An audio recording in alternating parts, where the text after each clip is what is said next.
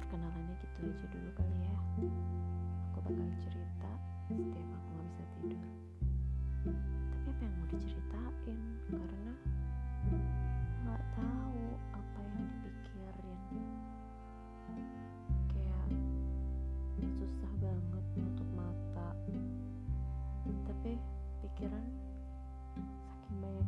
dipikirin. Eh bukan saking banyaknya yang dipikirin cuma nggak tahu apa yang utama sedang dipikirin. Oke. Nggak bisa cerita ke siapa-siapa